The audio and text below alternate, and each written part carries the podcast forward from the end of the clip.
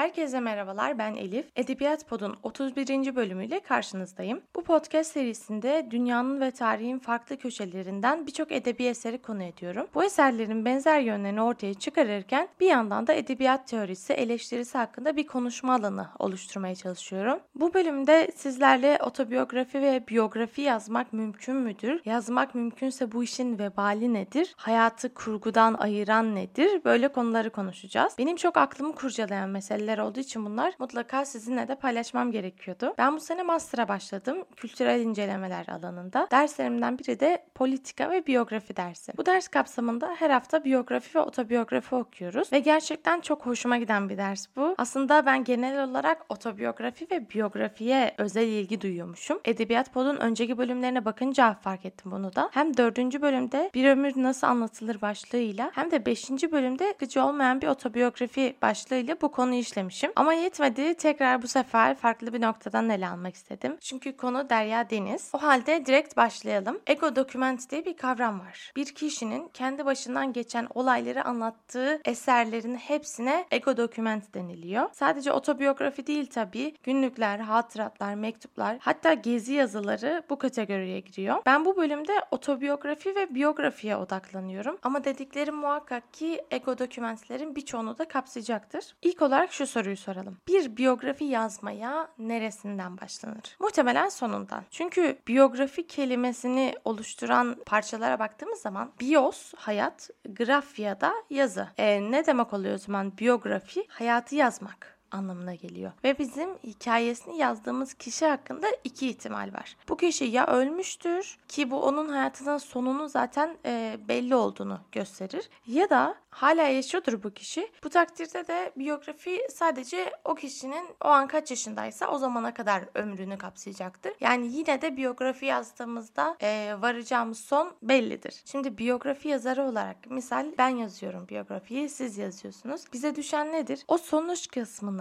almak, başını ve ortasını doldurmak. Sonunda da tüm hikayeyi olabildiğince mantık çerçevesinde bir sonuca bağlamak. Belki de bu yüzden biyografi veballi bir iş. Gerçekten çok veballi bir iş ve ben bu e, cümleyi Abdülhamit Kırmazı'nın Otur Baştan Yaz Beni kitabında okudum. Çok yerinde bir tanımlama. Yani sonucu belli olan bir hikayeyi yazmak ve mantığa uydurmak. Bununla ilgili tüm detaylara zaten ilerledikçe geleceğiz. O zaman biraz veballer üzerine konuşalım. Biyografi yazımında veballerin en büyüğü içeriği seçmekte. Böyle elimizde küçük bir fener var gibi düşünün ve sadece çok az yeri aydınlatabileceğiz bu fenerle. Misal 300 sayfalık yeri, 200 sayfalık yeri aydınlatabileceğiz. Gerisini görmemek zorundayız. İşte bu küçük fenerle hangi yaşanmışlıklara ışık tutacağımıza karar vermekle başlıyor bu veballerin en büyüğü. Çünkü biliyoruz ki insan hayatı ortalama 80 sene gibi görece kısa bir zaman dilimine sığabiliyor. Ama hakikatte çok çok çok çok uzun. Ve uzun olmasının yanında da böyle kıvrımlı bir yol. 80 seneyi bırakın bir günde bile yaşadıklarımız, düşündüklerimiz, hissettiklerimiz, söylediklerimiz üzerine uzun kitaplar yazılabilir. Bir günü anlatan bile çok uzun bir anlatı kurmak mümkün. Bununla ilgili de bir podcast bölümü yapmayı düşünüyorum aslında. Ama şimdiden birkaç örnek söyleyeyim. Virginia Woolf Woolf'un mesela Mrs. Dalloway'ini düşünün. 224 sayfa. Onun haricinde James Joyce'u düşünün. Ulysses 732 sayfa. Bu kitapların ikisi de gerçekten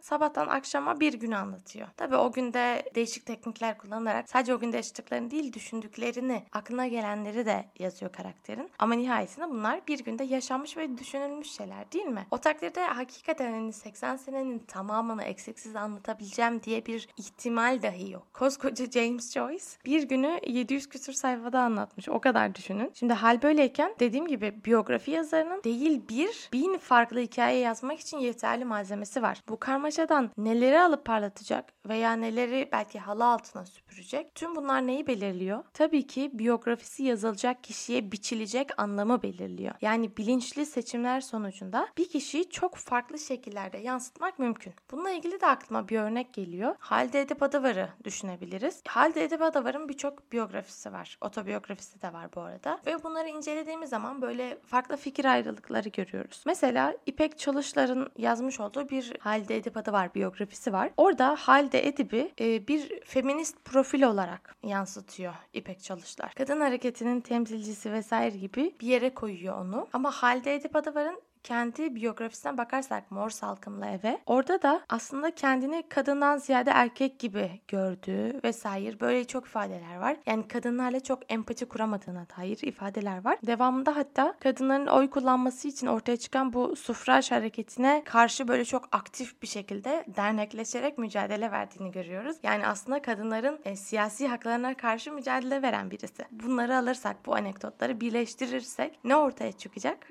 Bu kadın bir kadın düşmanıdır, ne feminist gibilerinden. E, ya da çok farklı örnekler var şimdi tabii dallandırıp budaklandırmak istemiyorum bir örnek üzerinden ama mesela Atatürk'ün e, nutuğunda halde edip böyle bayağı Amerikan mandacısı kötü yansıtılır. Yani vatanseverliğinden ziyade mandacılığı öne çıkarılır. Bunda ne rol oynuyor? Tabii ki Atatürk ile sonrasında yaşamış olduğu şeyler rol oynuyor Halide Edip'in. Atatürk onu bu şekilde anmış. Ama Halide Edip'in kendi biyografisine ya da başka insanların Halide Edip hakkında yazdığı biyografilere bakarsak da Halide Edip'ten daha vatanseveri asla dünyada bulunmuyor. Hani bir kişiden bahsediyoruz. Evet çok önemli bir tarihi şahsiyet ama gördüğünüz gibi aynalar kırıla kırıla 4 tane, 5 tane, 6 tane farklı Halide Edip karşımıza çıkıyor. E tabii şimdi bu Halide Edip örneğinden akla karmaşa kavramı geliyor. E, karmaşa bence gerçekten de bir hayatı tanımlamak için yerinde bir kelime. Çünkü insan hayatı uzun olmasının yanında oldukça karmaşık da. İnsanlar yani biz değişkenliğe son derece açız değil mi? Hafızamız da çok kuvvetli değil maalesef ya da iyi ki bilmiyorum.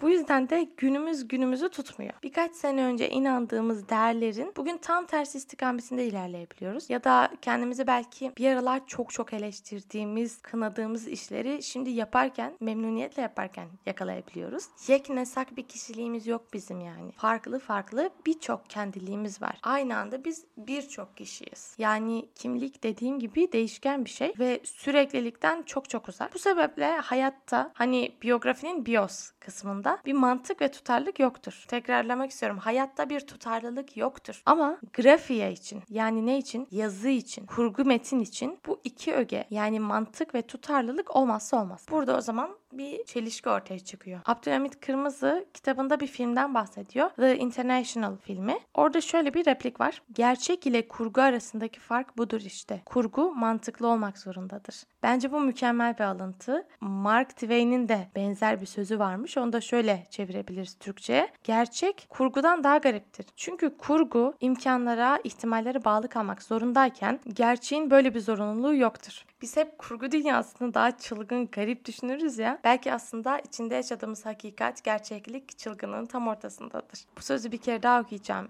Geçmek istemiyorum. Gerçek ile kurgu arasındaki fark budur işte. Kurgu mantıklı olmak zorundadır. Kurguda mantıklı olanı seçme çabası bizi neye götürüyor? Mantıksızları ayıklamaya götürüyor. Dil bilim alanında çok sık kullanılan bir cümle vardır. Tarafsız bir söylem mümkün değildir diye. Bu hakikaten bizim durumu çok güzel tasvir ediyor. Biyografide de, otobiyografide de yazılan her cümle ve seçilen her anı yazarın tercihini yansıtıyor. Yani ortaya çıkan nihai mantıklı metin bahsettiğimiz kişinin hayatından ziyade o metni yazan kişinin o dönemki ruh halini, hayata bakış açısını ve metni yazmaktaki amacını yansıtıyor. Bunu kabullenmesi belki biraz zor oluyor ama bu iş böyle. En azından ben böyle görüyorum. Bunun yanında bir de şu var. Her metin gibi biyografi metinleri de tabii ki bir okuyucu için ve okunması ümidiyle yazılır. E, bu ümit yazının asgari düzeyde okunabilir ve hatta satın alınabilir olması ihtiyacını getiriyor tabii ki. Asgari okunabilirlik ya da satın alınabilirlikten kastım ne peki? Şu, nihai metnin bir anlam barındırması. Çünkü insan zihni sürekli olarak bir anlam arayışında. Bu anlamı kendi hayatında bulamıyor. E bulamadıkça da kitaplara, filmlere, diğer kültürel tüketim ögelerine e, yöneliyor ve onlarda bu anlamı bulmaya ve bir şekilde kendi içindeki o açığı kapatmaya çalışıyor. Ama nihayetinde biyografi metninde hayatı anlatılan kişi de tıpkı bizim okur gibi değil mi? İnsan. O halde anlam bulunması zor bir hayatı okura sunmadan önce metne bir yapı, bir anlam yükleme, bir strüktür katma işi kime düşüyor? Biyografi yazarına düşüyor. Yani neler neler yaptırdık ona. Bu zavallı biyografi yazarı önce her saniyesi dolu bir hayattan fragmanlar seçiyor. Bu fragmanları tutarlı hale getirmek için daha da sık eliyor, kesip biçiyor, uğraşıyor.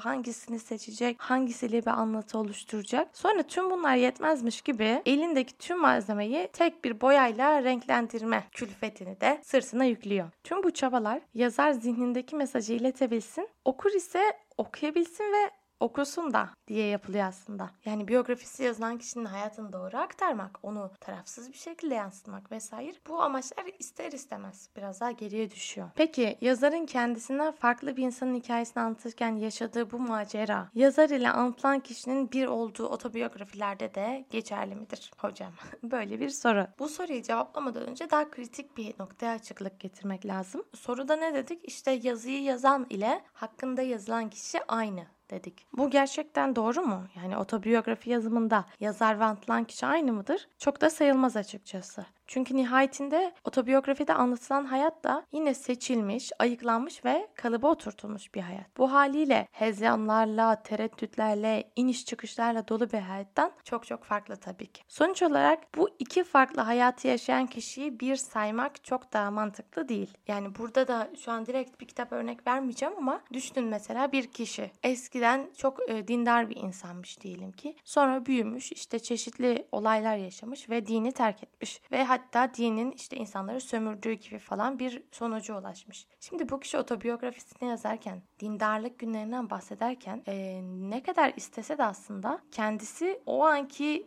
tecrübesinden onları gördüğü için ve aslında kendisini okura belli bir şekilde yansıtmak istediği için dindarlık günlerini asıl o günleri yaşarken ki hissiyatla anlatmayacaktır değil mi? Muhakkak farklı bir filtresi olacaktır. Acaba ben okura bunu okutursam hakkımda ne düşünür? Ya da ben falanca yerde bir konuşma yaptım geçen hafta. Şimdi yazıda bunu yazarsam bir çelişki olacak vesaire gibilerinden. Bu yüzden de yazılan kişiyle yazan kişi arasında çok büyük bir fark var. Tam bu noktada şimdi dediğim hani o yazan kişi o günkü tecrübesinden, o günkü yaşanan geriye bakarak onu yazıyor ya bu da bir filtre.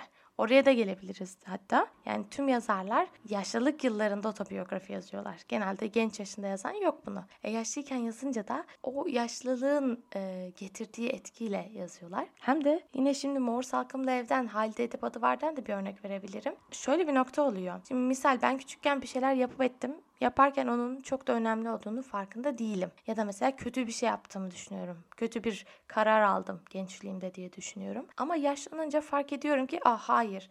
Aslında benim o kötü sandığım karar hayatımı çok iyi yönde etkiledi. Yani ben o işin sonucunu gördüm değil mi? Halide Edip Adıvar'ın örneğinde şöyle. Mesela Halide Edip Mor Salkımlı Ev'de çocukluk anılarını anlatırken sık sık e, yetişkinliğinde başından geçenlerle bağlantılar kuruyor. Küçük hali de e, tabii ki o anları yaşarken bunların geleceğini nasıl etkileyeceğini bilmiyordu. Belki çok daha az bilinçli bir şekilde davranıyordu. Ama iş otobiyografi yazmaya gelince küçüklükte oynanan oyun, evde çalışan hizmetçilerle ilişkiler bile büyük hayat anlamının bir parçası oluverdi bir anda. Ya da mesela Fali Rıfkı Atay'ın Zeytin Dağı kitabına bakarsak kitap 1932'de basılıyor ilk önce. Sonra 1950'lerde Falih Rıfkı Atay kitabı tekrar düzenliyor, editliyor ve tekrar bastırıyor. İki baskı arasında ciddi farklar var. Bazı kısımlar alınmamış, bazı ifadelerde değişikliğe gidilmiş, sansürlenen şeyler olmuş ve bunu bir otorite yapmıyor. Fahri Rıfkı'nın kendisi yani hür iradesiyle yapıyor. Mesela bir tane şey var. belki biraz komik olabilecek. En çok aklımda o kaldı. İlk baskıda Hazreti Muhammed'den bahsederken Muhammed olarak yazılıyor.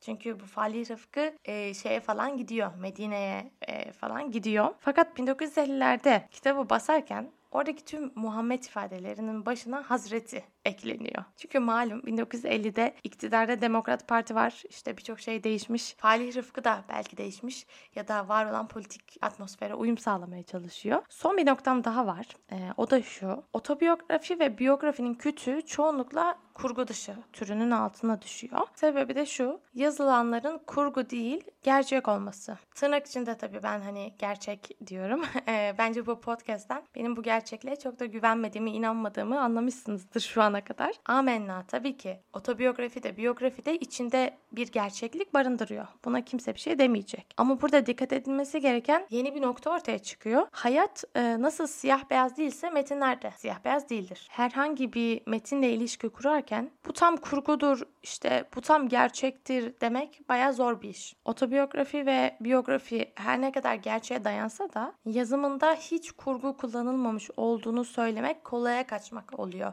Nihayetinde her ne türde olursa olsun, nihayetinde ne türde olursa olsun her hikaye bir bakıma kurgudur. Hepsi yazarın zihnindeki imajinasyon, hayal gücü, unutma ve değer yargıları filtrelerinden süzüle süzüle ortaya konur. Biraz önce de konuştuk zaten. İçinde bulunduğun atmosfer, politik ortam, ruh halin hepsi hepsi hepsi ortaya çıkan ürünü çok etkiliyor. Bunca filtre ve mesaj verme kaygısı söz konusuyken peki bir gerçeklikten söz edilebilir mi? Saniyenin onda birinde zihnimizden geçen binlerce düşünce ve hayalden hangileri gerçeğimize daha uygundur? Ya da biyografi yazan o nihai gerçekliği nasıl tespit edebilir? Çok zor sorular, çok zor sorular. Direkt bir cevabı da yok tabii ki. Bunlara cevap da veremeyeceğiz. Ama benim anladığım şu, tırnak içinde su misali kıvrım kıvrım akan insanın beton kalıba dökme bir gerçeğinin olması çok zor bir ihtimal.